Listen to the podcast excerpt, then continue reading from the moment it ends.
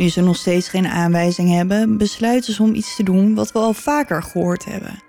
Ze stellen het lichaam tentoon bij de lokale begrafenisonderneming, zoals in de zaak van Elmer McCurdy. Ja, dat weten we nog, ja. Ja, ik denk dat ons dat allemaal wel uh, bijgebleven is, dat verhaal. ja. Pastoor Daniels was pastoor van de parochie Schaasberg nabij Heerlen. Hij kende verschillende veroordeelde bendeleden persoonlijk en leek dus goed op de hoogte van de procesvoering. Dit betekent dus dat het bestaan van de bokkenrijders niet zozeer een verzonnen legende is, maar een waar gebeurd verhaal.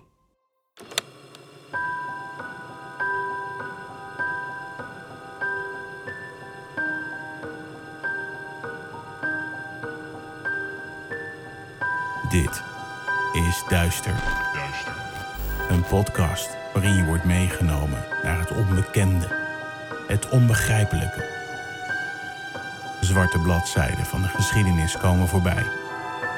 Hier hoor je de verhalen achter moord, doodslag en onverklaarbare gebeurtenissen. We kruipen in de hoofden van een serie moordenaars, heksen, mythische wezens. Luister. Luister. En huiver naar duister. Hallo, lieve duisteraars. Hallo daar. Welkom bij een nieuwe aflevering en een nieuw jaar. Gelukkig nieuwjaar. Gelukkig nieuwjaar nog allemaal. Hoe was uh, je kerst? Mijn kerst? Uh, rustig. Ja. Ja. Voor velen van ons, denk ik. Ja, nou is dat van mij altijd rustig. Mm -hmm. uh, maar nee, was gewoon gezellig. En uh, lekker gegeten en cadeautjes uitgepakt. Nou, fijn. En oudjaar? Ook rustig. Ja. Ja, nou ja, dat is niet helemaal waar, want ik heb een hond die panisch is voor vuurwerk. En, dan ook echt extreem panisch. Maar ondanks het vuurwerkverbod toch nog panisch. Ja, maar het begon echt uh, weken geleden al. Mhm. En hij kan er gewoon, hij is zo bang. En hij, hij gaat ook niet in een hoekje zitten te rillen. Hij gaat heel hard blaffen. Ja, Echt heel hard. En dat is voor ons allemaal niet heel leuk. nee. Uh, dus ik ben altijd blij als het voorbij is. Ja, snap ik. Ja, en hoe was het bij jou? Ja, ook rustig. Eerste kerstdag familie. Mijn broer en schoonzus bij mijn, uh, bij mijn moeder en met de kleintjes. En tweede kerstdag hebben wij uh, zo'n box besteld bij een restaurant, weet je wel. Oh ja. En was echt heel lekker. We moesten het zelf voorbereiden. Tenminste, het was al voorbereid, maar we Opwarmen. moesten het zelf opwarmen. Ja. maar uh, de kinderen gedroegen zich uitmuntend. We hebben lekker gegeten. Dat was helemaal top. Nou, mooi zo. En oud en nieuw? Ja, hier, ondanks het vuurwerkverbod, altijd een hoop vuurwerk in de straat. Vorig Mhm. jaar was het al zo, dit jaar weer. Ehm, ja, ik weet, ik, ik weet niet zo goed wat ik daarvan moet vinden. Ik, dan denk ik, die is er toch met een reden. Maar goed, de hele straat gaat hier altijd alsnog los. Ja. ja. Dus nou ja, ehm, we hadden wel mooi vuurwerk. Laat Ja. ik het daar maar bij houden. Ja. Ja, nou, weer een jaar voorbij. Tijd Ja. voor een nieuw jaar. ik hoop toch echt dat dit beter wordt dit jaar. Ja, ik ook. Ja, en je had slecht nieuws, zei je net tegen me. Ja, helaas. Ehm, Samantha en ik hebben besloten om ook dit jaar niet naar CrimeCon te gaan. Ja, balen man. Ja, ik baal als een stekker, want... Maar ja, het blijft maar, het blijft maar lastig. Ja, En ik wil gewoon het risico niet lopen. We hebben toen uiteindelijk eh, de tickets van Orlando hebben we uit laten betalen. Ehm, dus nou ja, dat hebben we in ieder geval terug. We hebben voor onze kaartjes van CrimeCon hebben we een voucher. Wat we wel hebben gedaan, ehm, ze gaan het weer livestreamen. ja. Maar daar moet je ook voor betalen om dat te Mhm. kijken. Eh, dus we hebben een deel van ons ticket hebben we eh, een voucher voor gekregen. En voor een gedeelte hebben we gebruikt om voor die livestream te betalen. Ja. Dus ik kan het wel zien. Ik kan er alleen niet heen. En waar ik het echt heel erg van baal. Ik kan niet naar Seks Museum. Nee, nee, dat is jammer inderdaad. Echt om te huilen. Daar baal ik zo erg van. Echt hoor. Wat, eh, ja. Nou ja, Ja. dan moeten we maar een keer voor een duister eh, reisje gaan of Ja. zo.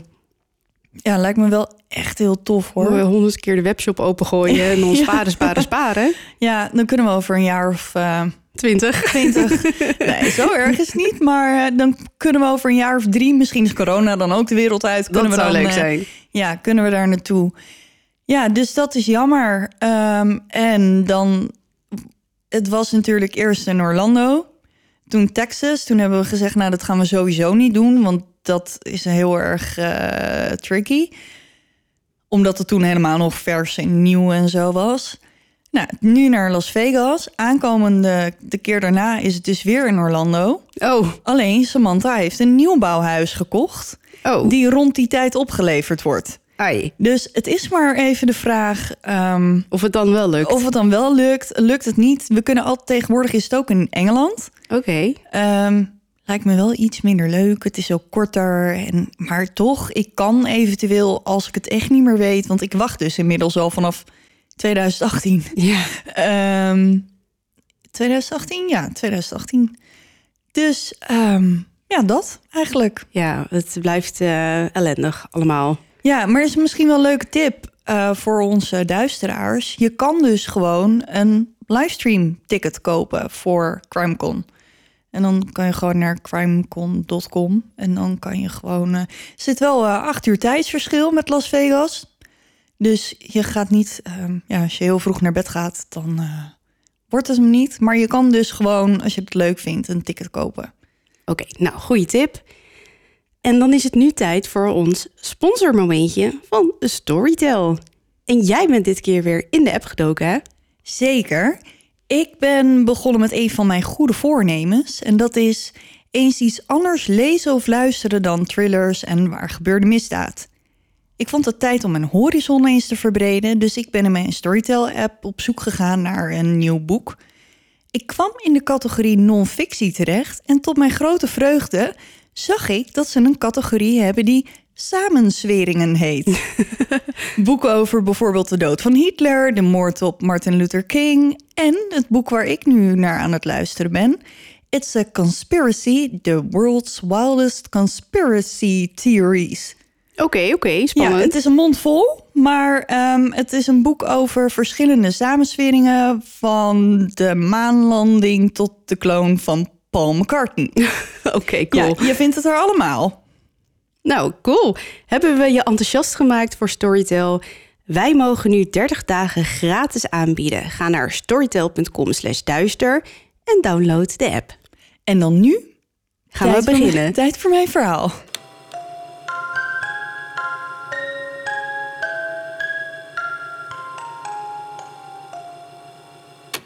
Vandaag heb ik weer eens een oude zaak. Ik vertel het verhaal van Little Lord Fauntleroy. We gaan 100 jaar terug in de tijd naar Waukesha, Wisconsin. Huh? Ja? Daar is ook de, de Slenderman van. Oh, ja, nu je het zegt. Ja. Ja, nou daar gaan we naartoe. Oh. Op de morgen van 8 maart 1921 loopt een man genaamd John een rondje op het terrein van zijn werk. Hij werkt bij de O'Laughlin Stone Company en als hij langs een vijver loopt, doet hij een gruwelijke ontdekking. In het water van de vijver ziet hij een lichaampje drijven. Zodra hij de ontdekking doet, rent hij naar het kantoor en meldt zijn vondst bij de Waukesha County Sheriff, Clarence Keebler. Clarence neemt op zijn beurt contact op met de lijkschouwer van de provincie, L.F. Lee, en samen rijden ze naar de O'Laughlin Stone Company om op onderzoek uit te gaan. We doen heel even een stapje terug in de tijd. Op 22 februari, een paar weken voor de ontdekking in de vijver, krijgt gevangenenbewaarder David Robert een telefoontje van een man die anoniem blijft. Deze man vertelt David dat hij in de Noordvijver het lichaam heeft gevonden van een klein jongetje. De Noordvijver stond ook wel bekend als Weber's Pond. Lijkschouwer L.F. Lee besluit na dit bericht de vijver te laten dreggen op zoek naar het lichaam van het jongetje. Als ze de hele vijver gedreigd hebben, is er geen spoor van een lichaam in de vijver gevonden. Er wordt gedacht dat de anonieme man zich vergist heeft in de vijver. Dat hij in plaats van de Noordvijver eigenlijk de vijver bij O'Laughlin bedoelde. Dat zou verklaren waarom er toen niets gevonden is en er nu ineens weer een melding wordt gemaakt van een verdronken jongetje. Als ze gelijk de juiste vijver hadden gedreigd, dan hadden ze het lichaam een stuk eerder kunnen vinden. Goed, we gaan weer terug naar 8 maart. Deze keer hebben ze wel de goede vijver te pakken. Ze vinden inderdaad het lichaam van een kleine jongen. Ze denken dat hij tussen de 5 en 7 jaar oud is. Hij is vrij klein, ongeveer 1 meter 6 lang. Hij heeft dik blond krullend haar en blauwe ogen. Zijn lichaam vertoont bijna geen sporen van ontbinding, vandaar dat ze zijn oogkleur nog kunnen vaststellen. Mhm, dat vond ik al apart inderdaad. Ja, en vaak zie je dan ook nog dat als ze in het water liggen, dat er dan beestjes en zo aan, Ja, het is niet een heel fijn gezicht. nee, aanknabbelen Nee. en zo. Hij ziet er goed gevoed uit. Er is dus geen aanwijzing dat hij ondervoed was. In zijn onderkaak mist hij een tand. Zijn lichaam vertoont geen sporen van mishandeling. Hij ziet eruit als een goed verzorgd kind. Er is wel iets anders opvallends aan de jongen, en dat zijn zijn kleren. Hij heeft een mooie gestreepte romper aan. En in 1921 droegen niet alleen baby's die. Nu zouden we het ehm, meer een playsuit noemen, denk ik. Dus een jumpsuit met korte pijpen. Ja, een soort van bokspakje. Ja, zoiets, ja. Maar Ja. bij rompers denken we natuurlijk aan die dingen die baby's aan hebben. Ehm, dus nou ja, een soort van bokspakje met korte pijpen. Oké. Verder heeft hij een hele dure trui aan van de Bradley Knitting Company, zwarte kousen en een paar mooie leren zwarte schoenen. Over de schoenen droeg hij witte spats. Dat is een afkorting van spatterdashes. En misschien heb je ze wel eens in films of series gezien die zich in deze tijd afspelen. Hercule Poirot, een van mijn favoriete detectives, draagt ze bijvoorbeeld. Het zijn witte flappen stof die over de schoen gedragen worden, vaak met een paar knopen om de schoen te beschermen tegen vuil. En ze zijn heel stijf, toch? Ja, ja dus niet een lapje stof, maar inderdaad een beetje een stijve, ja. Ja. soort van over de schoen Mhm. ding. Alles aan de outfit van de jongen wijst erop dat hij van goede afkomst is. Een jongen met rijke ouders. In de eerste instantie wordt gedacht dat de jongen verdronken is. Tijdens de autopsie blijkt echter dat de jongen op zijn hoofd is geslagen met een object. Wat dat is, dat kan niet achterhaald worden. In zijn longen wordt bijna geen water gevonden. Zijn conclusie is dus dat de jongen om het leven is gekomen door de klap op zijn hoofd. Als hij verdronken zou zijn, dan zou hij nog veel meer water in zijn longen hebben. En de technologie is in die tijd absoluut niet te vergelijken met wat we nu kunnen.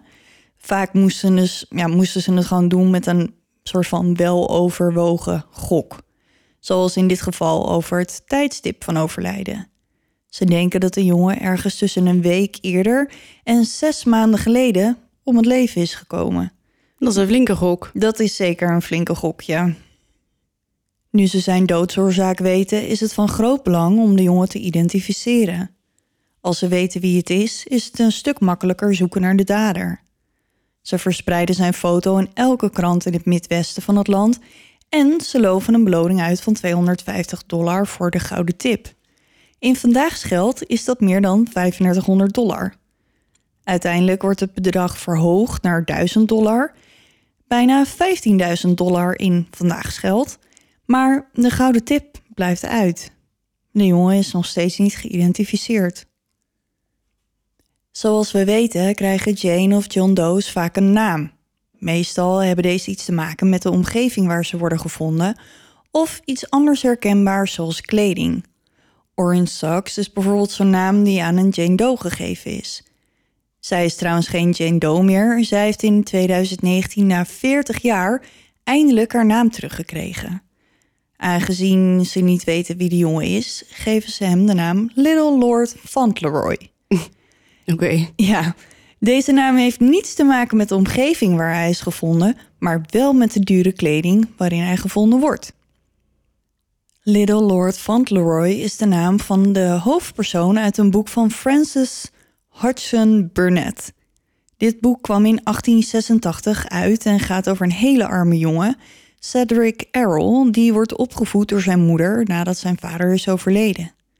Op een dag krijgt hij bezoek van een Engelse advocaat, hij woont zelf in Amerika, die hem vertelt dat zijn opa, de graaf van Dorincourt, van plan is om hem al zijn miljoenen na te laten. En omdat de broers van Cedric's vader zijn overleden, erft Cedric de titel Lord Fauntleroy.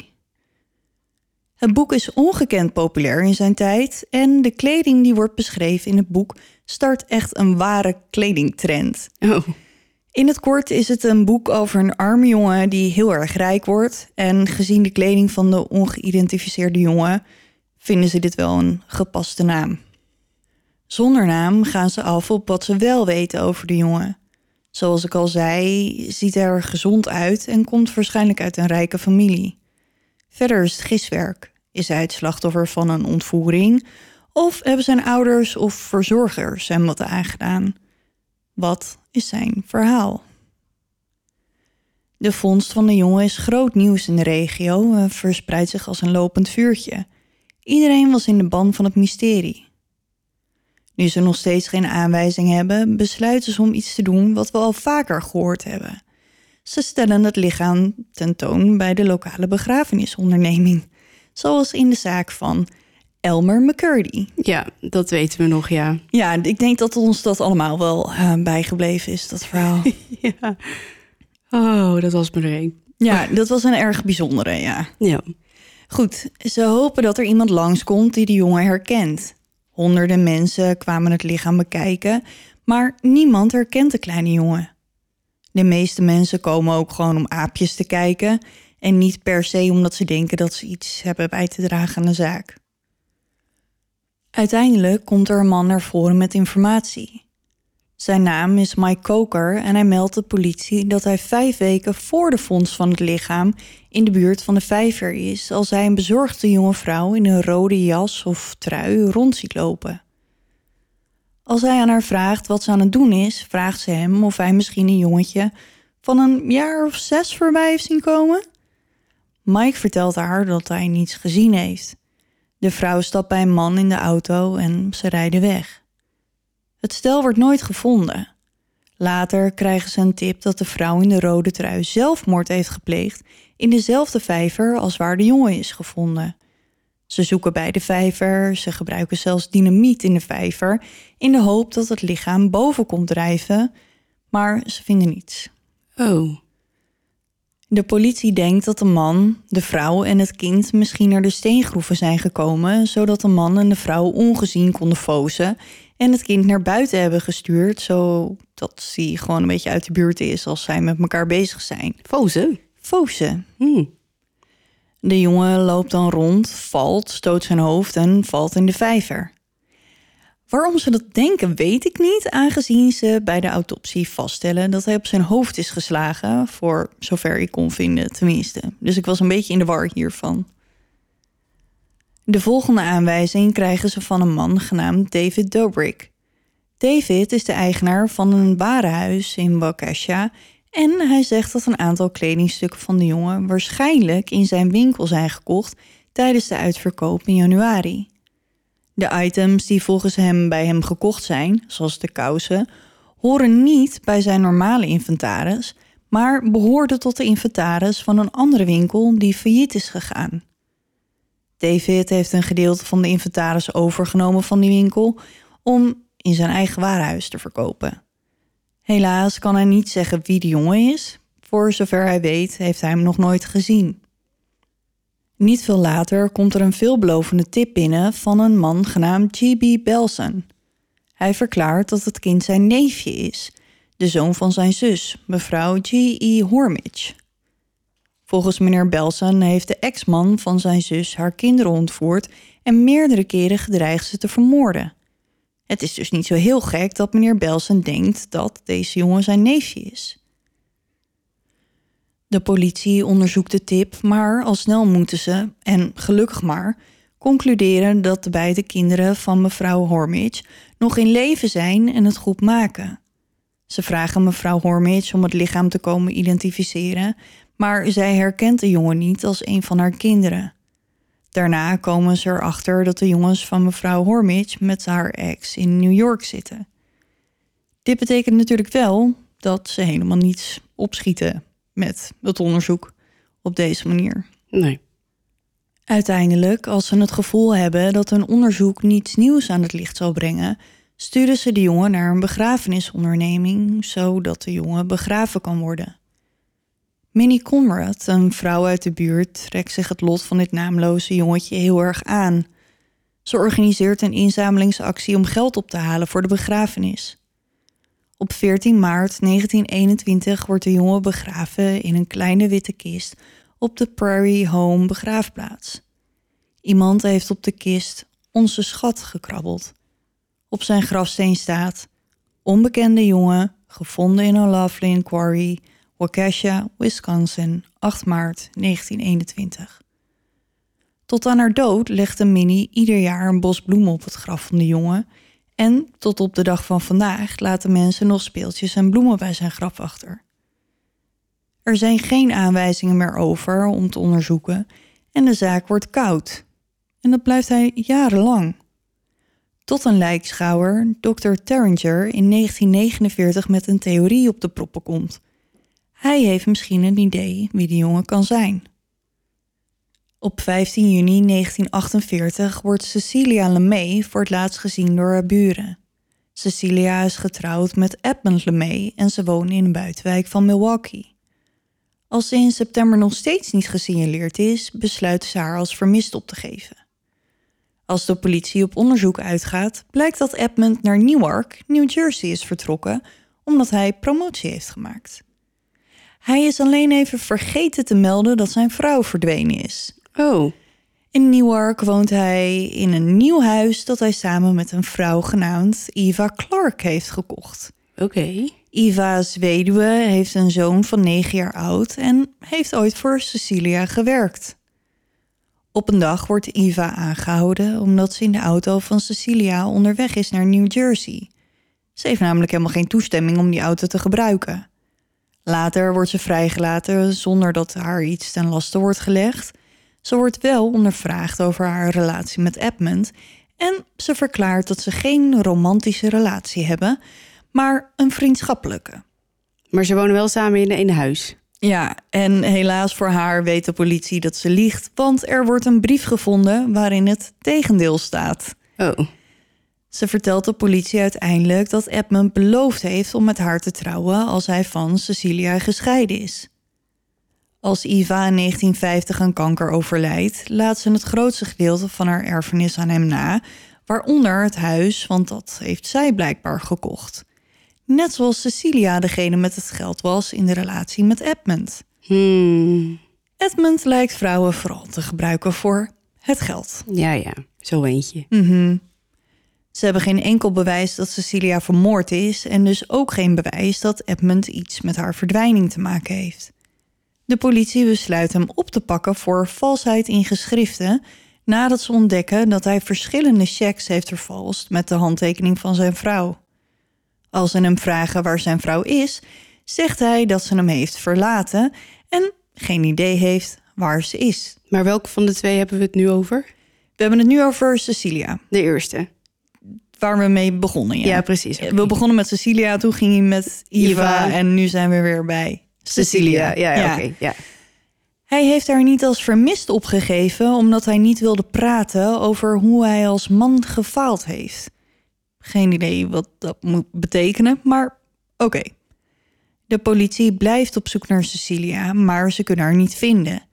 Iedere keer dat er een vrouwelijk skelet wordt ontdekt, wordt onmiddellijk onderzocht of het Cecilia is, maar ze is het nooit. Gek genoeg is Cecilia niet de enige in Edmunds leven die zomaar op mysterieuze wijze is verdwenen. Voor hij met Cecilia trouwde, was Edmund onder andere getrouwd met Hazel. Hij krijgt met Hazel een zoontje, genaamd Homer. En Homer is sinds 1921, dan is hij zes jaar oud, niet meer gezien. Zijn moeder Hazel is in 1921 overleden aan TBC. Als ze hem naar Homer vragen, vertelt Edmund ze dat Homer in verschillende pleeggezinnen in Chicago heeft gewoond nadat zijn vrouw overleed. En uiteindelijk wordt hij geadopteerd door de heer en mevrouw James Norton. Twee jaar nadat zij Homer hebben geadopteerd, krijgt Edmund een krantenknipsel opgestuurd door de familie. Ze hebben Homer mee naar Argentinië genomen en daar is hij op tragische wijze om het leven gekomen nadat hij is aangereden. Als Edmund dit verhaal in 1948 aan de politie vertelt, zijn de heer en mevrouw Norton al overleden, dus ze kunnen hen niet vragen of dit verhaal waar is. Na de dood van Hazel trouwt Edmund met Ruby. Het stel krijgt samen drie kinderen. Jeetje. Ja, ik snap, ik snap, ik heb het wel vaker gezegd, maar ik snap niet hoe sommige mensen het doen. Gewoon echt niet. Trouwen bedoel je? Ja, met zoveel mensen. Eh, ja, sommigen die kunnen dat, hè? Ik weet het niet. Die hebben daar een handje van. Ja, Gewoon charismatisch. ja. Oh, want daar ontbreekt het bij mij aan. Jij bent niet charismatisch genoeg. Nee, ik denk Daarom dat spreek je een podcast in, schat. Ja. ja, ik heb wel een stem voor de radio, niet een eh, hoofd voor de tv. Goed. Dus hij trouwt nu met Ruby. Ja. en ze krijgen drie kinderen. Tijdens dit huwelijk ontmoet hij Cecilia Sebraner, die op dat moment ook getrouwd is. Ze scheiden allebei van hun partners om met elkaar te kunnen trouwen. Volgens Ruby, die door de politie ondervraagd werd, heeft Edmund een aantal keer geprobeerd om haar te vermoorden. Op een dag zit ze in bad als Edmund een elektrische kabel in de badkuip gooit. Wat? Ja, ze beweert er nauwernood aan elektrocutie ontsnapt te zijn. Als ze Edmund naar deze gebeurtenis vragen, ontkent hij en zegt dat ze een hele levendige fantasie heeft. Ja, ja. Mhm, Ja, en alle vrouwen hysterisch en zo. Mhm. In 1941 scheiden Ruby en Edmund en in 1943 trouwt hij met Cecilia. Oké, terug naar Homer. Het valt natuurlijk niet te ontkennen dat het wel erg toevallig is dat Homer verdwijnt zo rond dezelfde tijd dat er een dode jongen van zijn leeftijd in een vijver gevonden wordt. Zou Homer Little Lord Fauntleroy kunnen zijn? Op 8 oktober 1948 wordt de vijver waarin de jongen gevonden is opnieuw gedreigd om te kijken of ze daar het lichaam van Cecilia kunnen vinden of iets wat ze de vorige keer over het hoofd gezien hebben, ehm, dat naar de identiteit van de jongen kan leiden. Cecilia wordt nooit gevonden en zeven jaar na haar verdwijning wordt ze doodverklaard. Edmund krijgt haar gehele nalatenschap en ik denk niet dat hij daar veel slechter van geworden is. Hmm. In april 1949 reist regisseur Adolf Kramer van de politie van Milwaukee naar Argentinië om te kijken of hij iets kan vinden over meneer en mevrouw Norton en hun geadopteerde zoontje. Hij hoopt meer te weten te komen, maar hij keert met lege handen terug. Er is geen bewijs dat de Nortons ooit in Argentinië geweest zijn of überhaupt bestaan hebben. Wederom loopt het spoor dood. Volgens inwoners van Waukesha werd het graf van Little Lord Fauntleroy ieder jaar bezocht door een zwaar gesluierde vrouw die tijd doorbracht bij het graf en een bos bloemen achterliet. Zij geloven dat deze vrouw de ware identiteit van de jongen kende, maar ook zij is nooit geïdentificeerd. In 1949 belegt Dr. Terringer, de lijkschouwer waar ik het eerder over had, een persconferentie waarin hij oppert om de jongen op te graven voor verder onderzoek. Hij laat de definitieve beslissing aan um, anderen over en zij besluiten om de jongen te laten rusten in vrede. Ja, maar... ah. Ja. Tot op de dag van vandaag zijn er nog steeds mensen die ervan overtuigd zijn dat Homer LeMay en Little Lord Fauntleroy één en dezelfde jongen zijn. De technologie is natuurlijk echt enorm veel verder dan in 1921 en we hebben nu DNA. Directe familieleden zijn er niet meer, maar misschien valt er een ver familielid te achterhalen door bijvoorbeeld zijn DNA te uploaden. Jetmatch. In zo'n databank. Ja, de DNA-databank waar ik het wel vaker over ehm, gehad heb. En dan als er iemand een verre neef of nicht of zo, dan kan dat gematcht worden. Op dit moment loopt er op change.org een petitie om de zaak te heropenen, zodat ze Little Lord Fauntleroy op kunnen graven en DNA bij hem af kunnen nemen. Dus je kan hem tekenen. Ik eh, deel de link wel. En dan Ja. kunnen we kijken of. eh, ja. Ja, ik snap wel de keuze om iemand dan in vrede te laten rusten. Maar nu heeft deze jongen nooit een naam, een gezicht en kun je Ja. hem ook niet Nee, een waardige nee. Einde geven. Ja, en ja, wie weet als Minnie er niet was geweest... hoe die dan überhaupt begraven zou ehm, Zijn geweest. zijn geweest. Ja, Want zij heeft geld opgehaald om hem nog een beetje een waardige begrafenis te geven. En een ehm, grafsteen en zo. Voordat ik er een eind aan brei, wil ik het nog even ehm, over een heel vergezochte paranormale theorie hebben. Die iets met een van jouw zaken te maken heeft, Daf. Oh? Namelijk Dear David. Ei. Er zijn namelijk mensen die denken dat Dear David de geest is van Little Lord Fauntleroy. Er is een twitteraar, John Logs. Die dat is een Twitter-handle, kan, kan er ook niks doen. Ehm, die tweeten dat het blonde haar, de leren schoenen, de klap op het hoofd... wel griezelige overeenkomsten vertonen met Little Lord Fauntleroy. Volgens mij is er nooit bekend geworden eh, welke haarkleur Dear David heeft. Nee, maar als je die foto's kijkt van Adam, want Mhm. die gast die daarover geschreven heeft, Ja, dan zie je wel blond. ja. maar Adam heeft ook gezegd dat Dear David hem in een droom verteld heeft dat hij om het leven is gekomen omdat er een plank op zijn hoofd is gevallen. Dat is waar. En dat is wat anders dan een klap op je hoofd met een stomp object. En dit was ook Mhm. nog een, een plank in een winkel. Ehm, ja. En bovendien wijzen andere Twitter-gebruikers op een ander feit. Want Little Lord Fauntleroy werd gevonden in Wisconsin. Terwijl Dear David in New York rondspookt. Dat klopt. Dit wordt weer weerlegd door andere twitteraars... die verwijzen naar Little Lord Fauntleroy's dure kleding. Want, en ik quote... Kijk hier eens, er staat dat hij mogelijk is afgenomen van een rijke familie. Als hij bij een rijke familie is weggehaald... dan is het zeer waarschijnlijk een familie uit New York geweest. Einde quote. Nou, dat slaat wat mij betreft nergens op. Want ehm, de kleding die Little Lord Fauntleroy aanhad zijn gewoon daar in de buurt gekocht van de plek waar die werd gevonden. En ik kan me niet voorstellen dat in New York de enige rijke mensen woonden toen.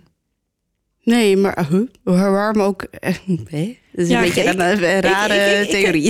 ik heb dit niet bedacht, hè? Ik, maar ik, ik moet het wel even Aan de zeggen. stip. Ja.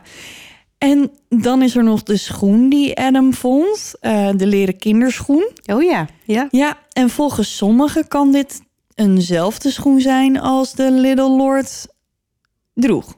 Oké, eh, ja, ik vind het een iets, iets wat vergezochte... Ja, het is allemaal heel erg vergezocht. En, maar ja, ik kon dit verhaal natuurlijk niet vertellen zonder deze theorie met jullie te delen. Nee, ja, dus laat even ik. weten wat jullie ervan denken. Maar het is wel een ehm, erg avontuurlijk spook als ehm Dear David Little Lord van Leroy is. Eh, ja, maar dat zou betekenen dat hij David heet en niet Homer. Mm, Ja, Er zijn overigens mensen die ons berichtje sturen... dat ze echt complete nachtmerries hebben hè, naar het verhaal van ja Dear David. en de Black Eyed Kids. Ja, ja, Ja, ja. die zijn echt de meest eh, angstaanjagend geweest, geloof ik. ja. Ja, die zijn iedereen wel bijgebleven.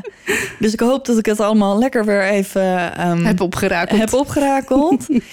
ja, maar die jongen die heeft dus ja, gewoon al honderd jaar geen naam. Nee. En je weet niet, als hij ontvoerd is, dan zijn er gewoon ouders, broers, families... die nooit hebben geweten wat er met hun kindje gebeurd is. En je, ze hadden toen natuurlijk ook nog niet echt databanken... met, weet je, dat alle politiebureaus met elkaar in contact staan. Dus dat je ja, niet een soort van landelijk opsporingssysteem Systeem. hebt. En dat je gewoon aan alle alle nationale politiebureaus kunt laten weten dat je een jongetje hebt gevonden en of zij toevallig een vermist jongetje hebben ergens aan de andere kant van het land. Ja. Want ze hebben het ja, wel in de regio verspreid. Maar ja, als ze, weet ik veel, uit eh, Utah komen, ja, dan bereiken die kranten ze natuurlijk niet. Nee. Ja, of er moet net iemand zijn die daar op bezoek is geweest. Dat Ja. gebeurt natuurlijk wel vaker. Ja. En die vertelt het thuis. En dan net zoals bij het Franse meisje, kun je dat nog herinneren? Die Mhm. werd gezien ergens bij een haven. En dat toen een persoon uit het dorpje waar ze vandaan kwam dacht... hey, huh. Ja, maar die in feite niks daar met elkaar te maken ja hadden. tuurlijk. Dus dan eh, moet het misschien net op die manier gaan. Maar sommige zaken worden echt door zo'n rare twist ineens opgelost. Ja. En andere, Ja, hoeveel van dit soort zaken zijn er wel niet? ja, echt zoveel. En ja, ik snap aan de ene kant wel dat ze zeggen, joh, laat hem, laat hem. Ja, Maar ja, aan de andere kant, wat je zegt, hij heeft gewoon geen naam. Het is gewoon een vergeten kind zonder naam, die echt, ja, een soort van niet bestaan heeft. Of Ja. zo, totdat hij gevonden werd. ja dus wat is nou treuriger eigenlijk? Ja. Kijk, en je kan nooit meer, weet je, ouders en opa's en oma's en zo zijn natuurlijk allemaal dood. Maar ja, voor hetzelfde geld heeft hij nog wel ergens familie. En dan inderdaad geen ouders of opa en oma, maar wel misschien achternichten, achterneven. eh ja, wie weet. Nou ja, teken de petitie als je wil dat, eh, Ja, dat ik, er eh, eventueel DNA afgenomen kan worden. En dat hij dan misschien een naam kan krijgen. Ik denk dat ik dat wel ga doen. Ik ook. Ik, ehm, ja, ik denk dat iedereen gewoon. Het voelt gewoon alsof je gewoon niet bestaan heeft. En Ja, dat dat dit is gewoon erg. een soort. Ja, je weet gewoon niet wie het is. Het voelt gewoon. Op een gegeven moment, hij was gewoon ineens dood. Ja. Maar hij is daarvoor is hij er nooit geweest of zo. Echt heel raar. Nee, nee, dit, dat moet niet. Dat eh, teken de petitie. ja, ben je eruit? ja, doe dat. Ja, laten we ons legertje zijn werk laten doen. Ja, laten we dat doen. Over legertjes gesproken. Ja, Ben je klaar voor jouw verhaal? zeker, zeker.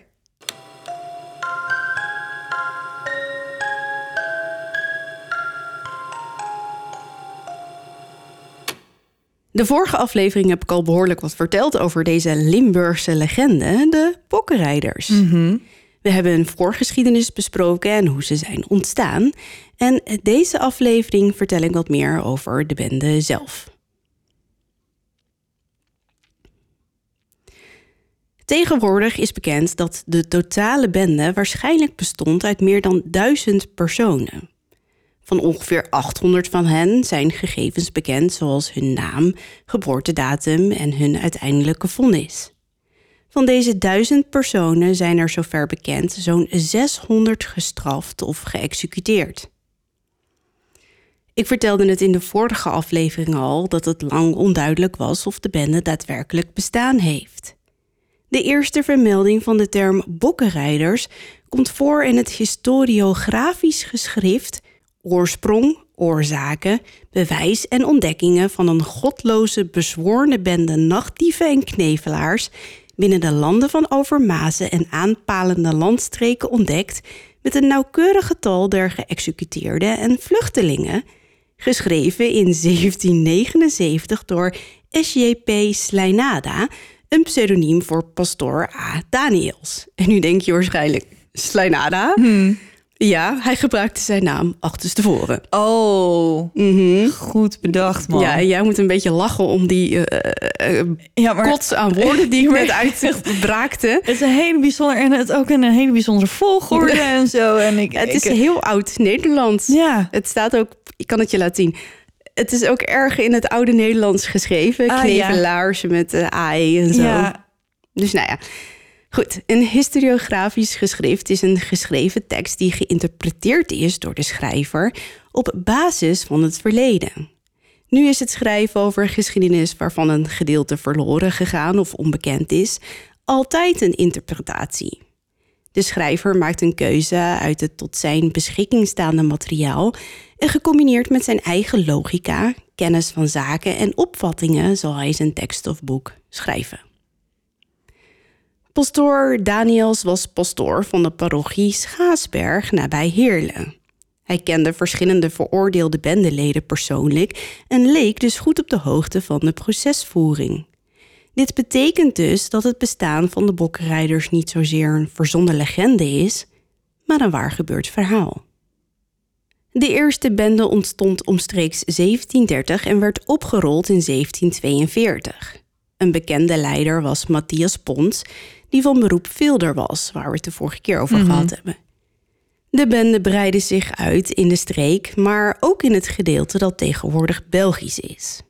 Rond 1740 ontstonden de eerste Belgische benden in de omgeving van Welle en breidde zich al gauw uit in de Hasmegouw en in de Kempen. De tweede bende ontstond circa 1755 met als middelpunt kasteel Burgrode, vlakbij het Duitse stadje Herzogenrath.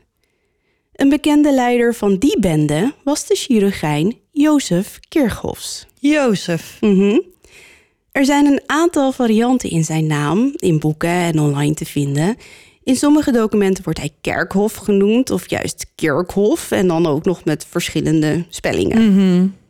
Hoe dat komt, ligt maar net aan wie de documenten geschreven heeft. Niet veel mensen in die tijd konden schrijven en soms werden officiële stukken, zoals arrestaties en verhoren van gevangenen, geschreven door iemand die de persoon in kwestie nog nooit ontmoet had. Het ging dus van mond op mond en van horen zeggen. En de spelling van de naam was dus nou ja, net wat de schrijver, wat er, eh, die dat dan, wat die erop iemand. Ja, precies dat. Ja. Ja. En ehm, meteen een kleine rectificatie van mijn kant. In de vorige aflevering had ik het over Peter Douwe, maar iemand wees mij erop dat het Doeven moest zijn. Dus nou ja, dank Ja. nog daarvoor. Oké, Jozef.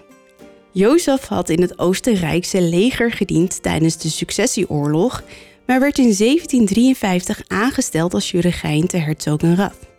Hij trouwde in 1759 met zijn buurmeisje Anna Elisabeth Mans en uit dit huwelijk werden zes kinderen geboren, vier jongens en twee meisjes.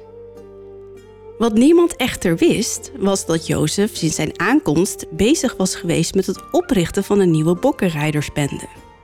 Hij en zijn broer Balthasar, die van beroep schoenmaker was, waren enige tijd daarvoor een ledenwervingscampagne gestart om zoveel mogelijk mannen bij elkaar te krijgen.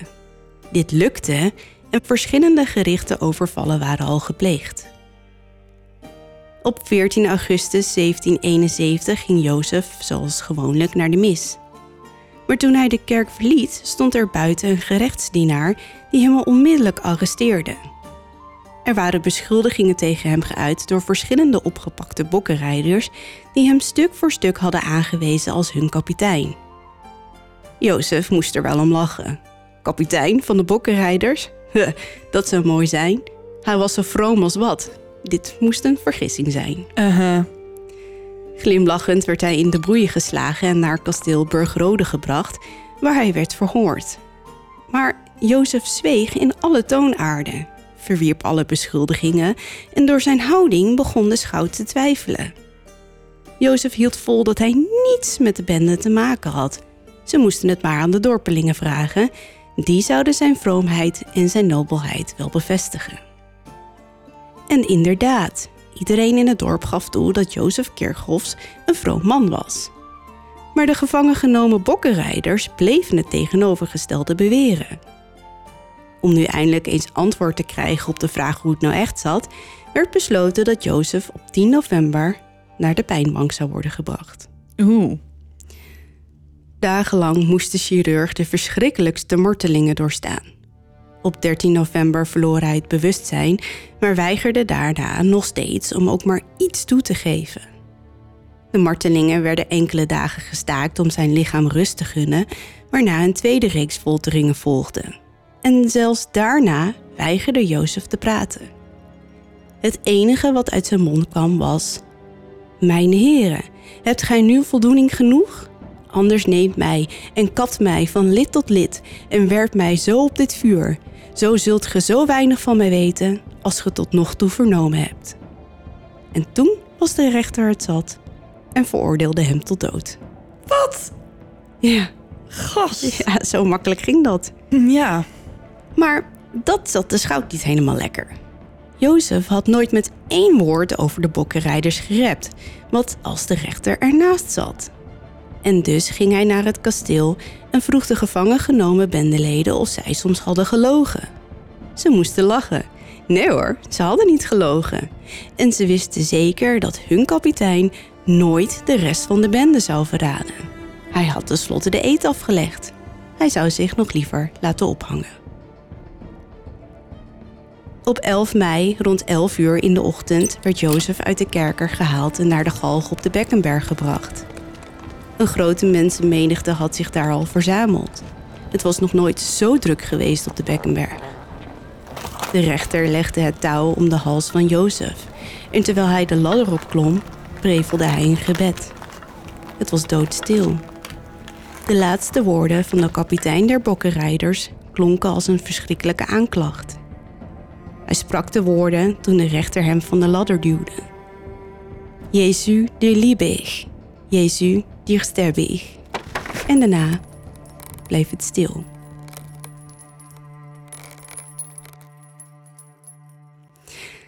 Hoe het afloopt met Balthasar is me een beetje onduidelijk. Hij leeft in ieder geval wel verder en trouwt later met Maria Notermans, die schijnbaar nogal een rough chick was. Naar verluid was zij een kapitein binnen de organisatie.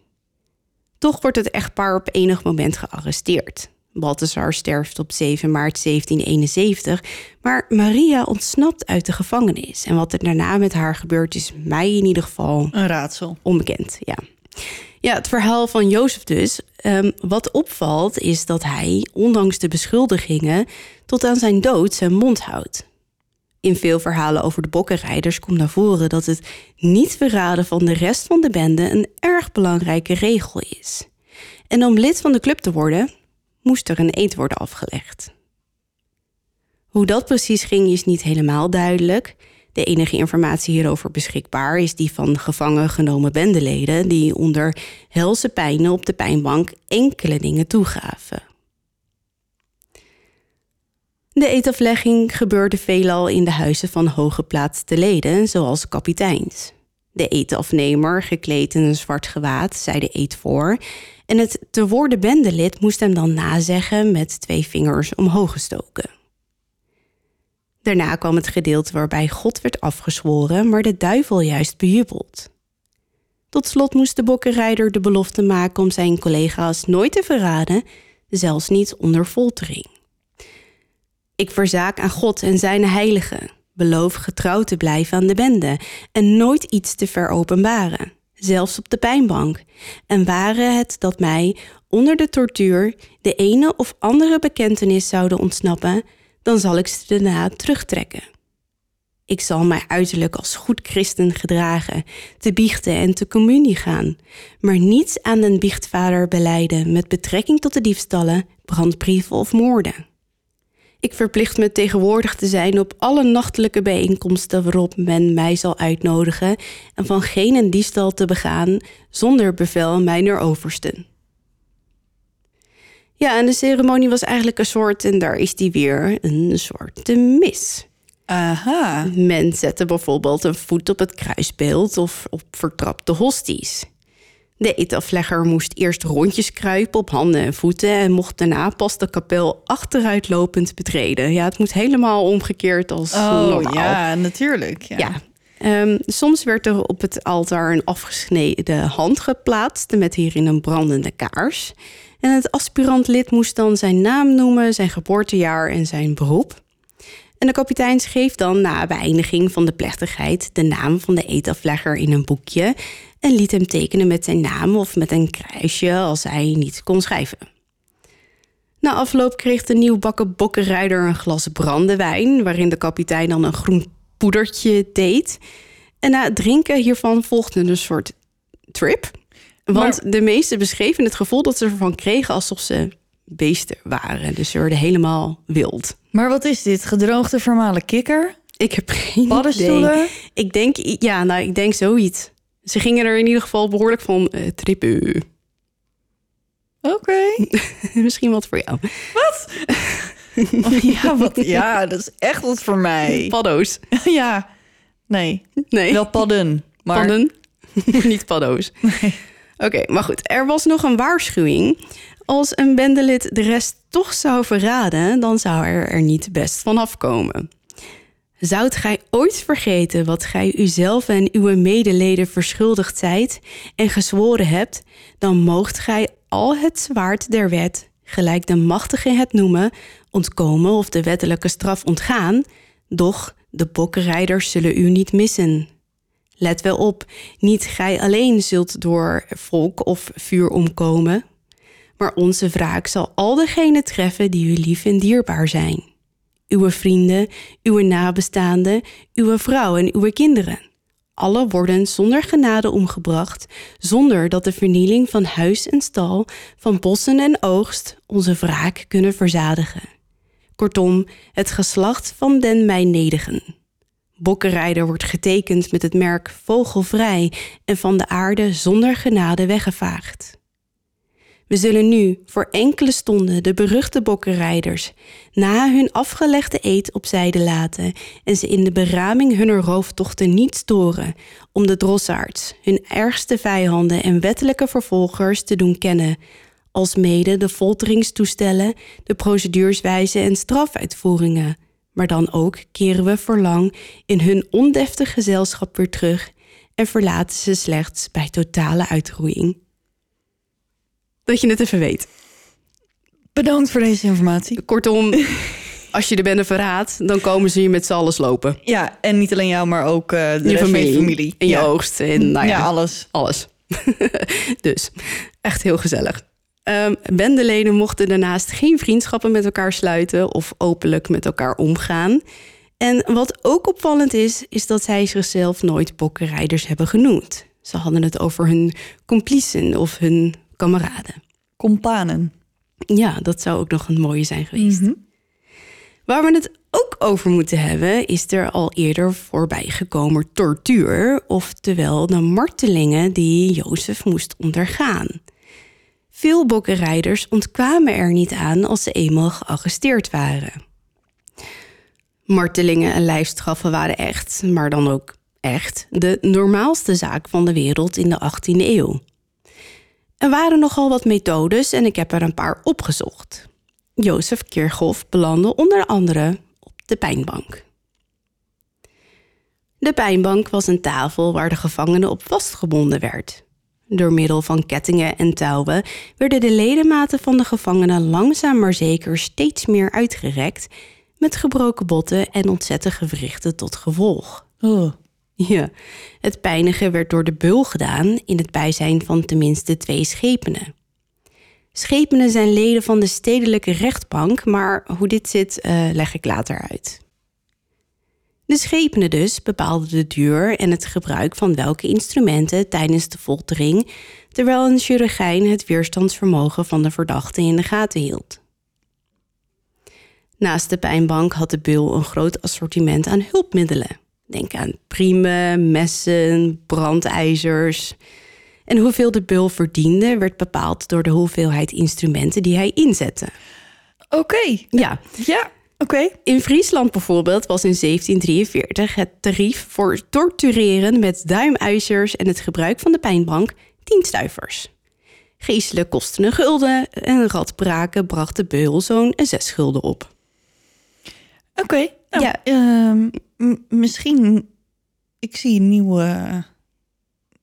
nieuw pad voor me. Oh, Ja, je wordt beul. ja. misschien wel. Nou, het was best een beroep waar je veel mee kon verdienen. Ja. Maar je moet wel echt een pure sadist zijn, wil je het eh, voor elkaar krijgen. ja, nee, dat ben ik niet. Nee, Nou, jammer. nee. Hm. Nee, ja, en sommige arrestanten bekenden al bij het zien van de beul en zijn werktuigen. Dan had hij dus een slechte dag. Maar anderen hielden het toch echt lang vol. Ja. Naast de pijnbank is bekend dat Jozef de Spaanse laars moest ondergaan. Een soort houten mal die strak rond de schenen werd aangedraaid. En de wipgalg, een soort takel van touwen.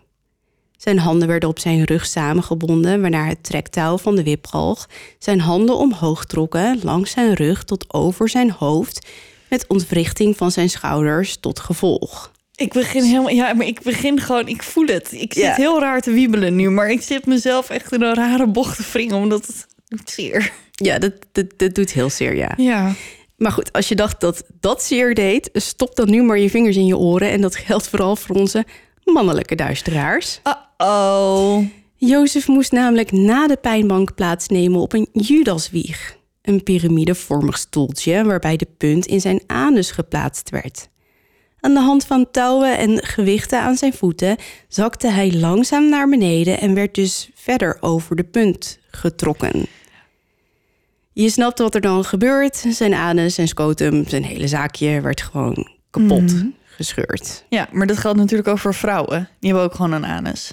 Eh, ja, ik, ja, dat klopt. Eh, Deze martelmethode werd namelijk ook voor vrouwen gebruikt.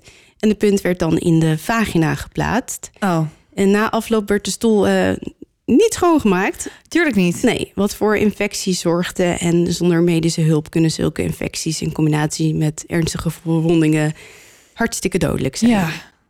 En een kleine toevoeging: dit werktuig bestond ook onder de naam het bokje of het tortuurpaardje en had meerdere varianten. Er zijn er ook die geen driehoekig krukje waren, maar meer een soort van bok, net zoals bij gym, zeg maar. Mhm. Eh, waar men dan schrijlings op geplaatst werd, alsof je op een paard zit. Maar de bovenkant had dan een vlijmscherp mes.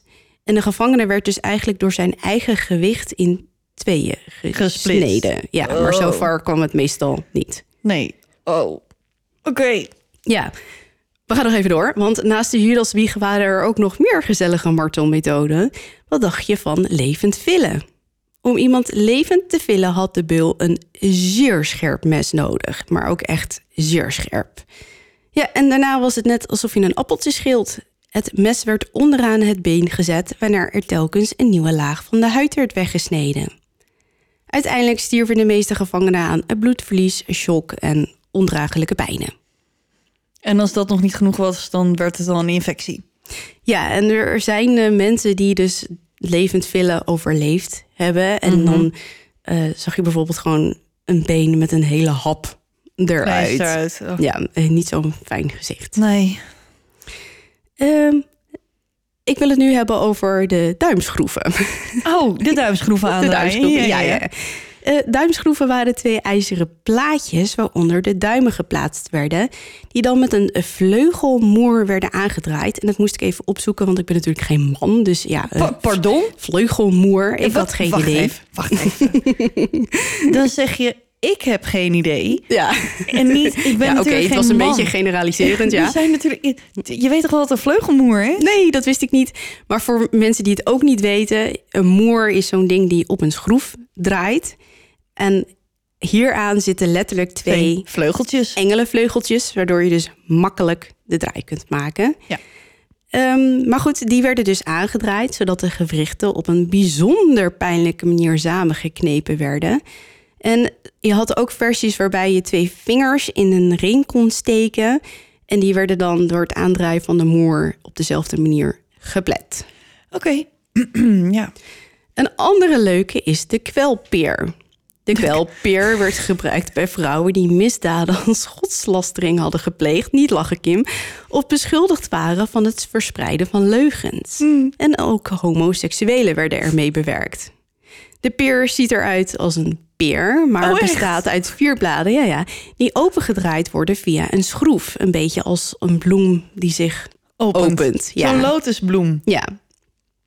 Het opendraaien gebeurt nadat de peer is ingebracht in de vagina of het rectum... met als gevolg complete verminking van de schaamstreek. Dit is heel pijnlijk.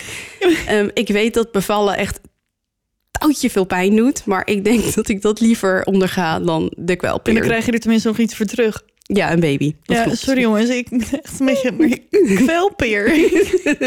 het is echt vreselijk wat dat ding doet, maar Ja, kwelpeer. Oké, nou, de volgende. Je hebt wel eens van die mensen die zeggen dat ze zich geradbraakt voelen. Nou, die weten dan waarschijnlijk niet helemaal waar die uitdrukking vandaan komt. Want in feite zouden ze dan morsdood moeten zijn. Radbraken was namelijk een martelmethode die zonder meer tot de dood leidde. Wat wil je zeggen? Nee, niks. Ga verder. Ik zit er helemaal in. Ja, de gevangene werd aan een houten rad vastgebonden dat langzaam ronddraaide. De beul sloeg met een ijzeren hamer op de ledematen van de gevangene, net zolang tot al zijn botten gebroken waren. En als extraatje konden dan de armen en benen door de spaken van het wiel worden gevlochten. Daarna mikte de beul nog eenmaal goed op het hart, waarmee hij, als de gevangene mazzel had, een dodelijke klap uitdeelde. Dit werd ook wel de Doodslag? genadeslag genoemd. Doodslag! Of niet. Dan stond het slachtoffer nog dagenlang ondraaglijke pijnen te wachten... tot hij- uiteindelijk eh, hij overleed aan zijn eh, verwondingen. Ja. En als laatste de rattenketel. En ja, ik weet dat jij die kent, Kim. Een bijzonder vrede martelmethode. De rattenketel was een ijzeren kooi waarvan de onderkant open was. In de ketel werden levende ratten geplaatst, waarna hij op de buik van het slachtoffer werd gezet. Daarna werd de kooi langzaam verhit. De ratten die geen kant op konden, baanden zich al bijtend en krabbend een weg naar buiten. Als het slachtoffer niet stierf aan zijn verwondingen, dan stierf hij wel aan een bacteriële infectie opgelopen door de Ratten. rattenbeten. Ja, ja, want ze gingen dus niet proberen om weg te komen door die kooi, maar door de buik van het slachtoffer. ja precies. Ja. Ja. Ja. Of rabies. Ja, ja minder, eh, minder prettig. Ja, het is allemaal niet mooi. Nee, nee, nee. Het was geen eh, leuke tijd. Nee. Oké, tot slot. Ik heb beloofd om uit te leggen wat schepenen waren. Een schepen was in de middeleeuwen een openbaar bestuurder op plaatselijk niveau. Ik begrijp dat de term in België nog steeds van kracht is overigens. De schepen valt onder de overkoepelende schepenenbank. De term schepenbank duidde twee begrippen aan. Het was zowel de benaming van een grondgebied als de naam van een instituut.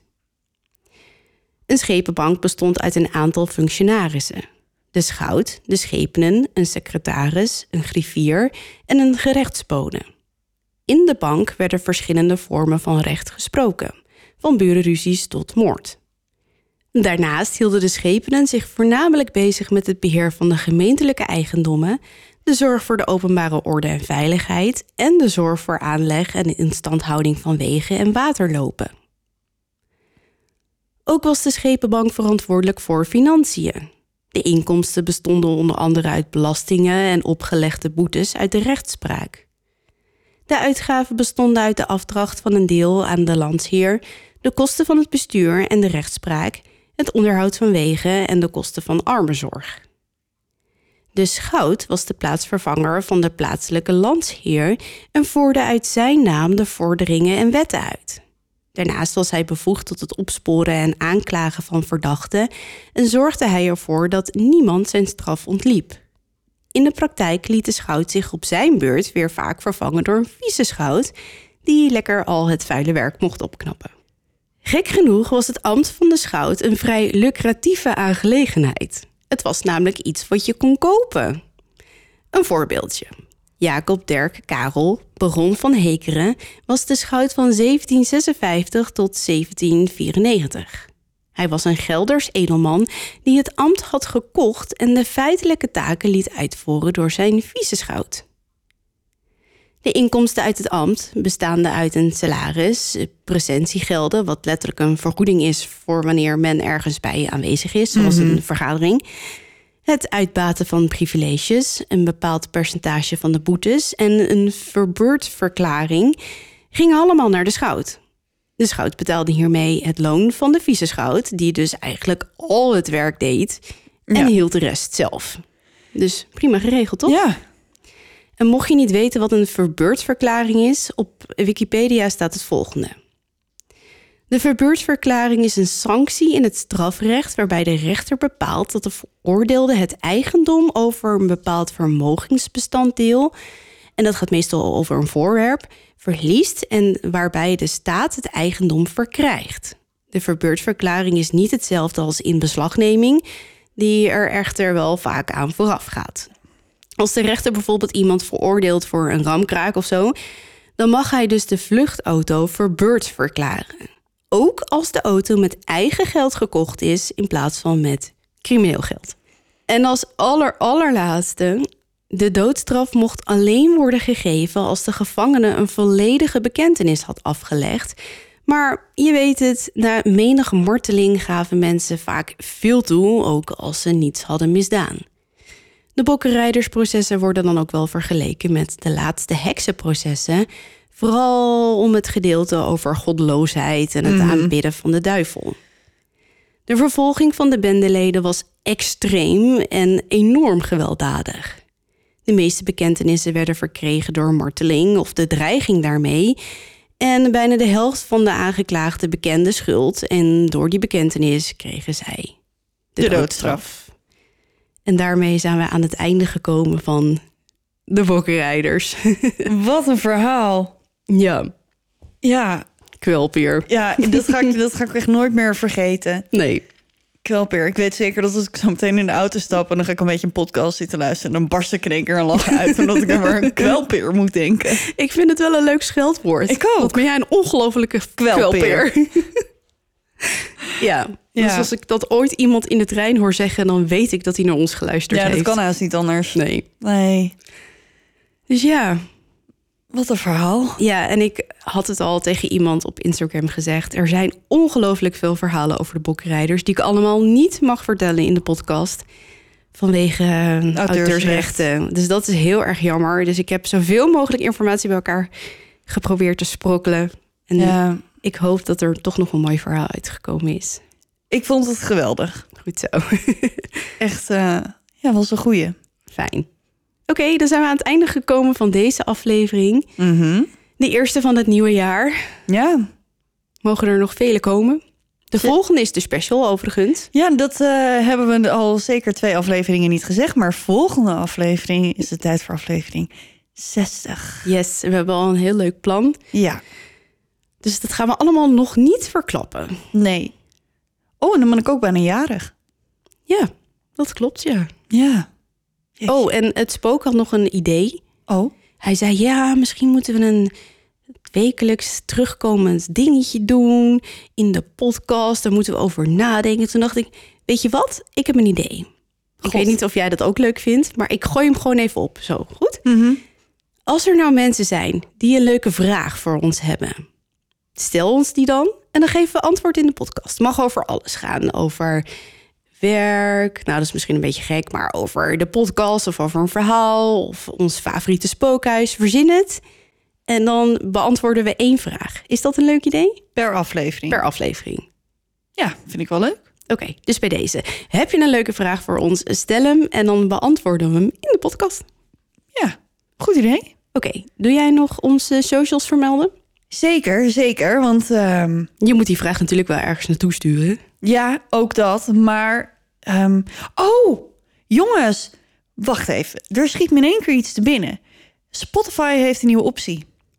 Ja, Je kan ons namelijk vijf sterren geven. dat klopt. Dat Geef- hebben ook echt gigantisch veel mensen gedaan. Ja, maar meer is altijd beter, want het Oh. helpt ons gewoon zichtbaarder te worden en groeien. En, eh, dus als jullie dat zou willen doen, alleen vijf sterren.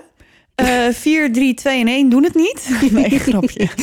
Nee, maar je zou ons enorm helpen als je ons daar gewoon een goede beoordeling zou willen geven. Ja, of een positieve review ergens achterlaten. Dat helpt ook echt gigantisch. Dat helpt ook echt enorm. Dus dan hebben we het bijvoorbeeld over iTunes. Jongens, sorry, ik ben een Android gebruiker.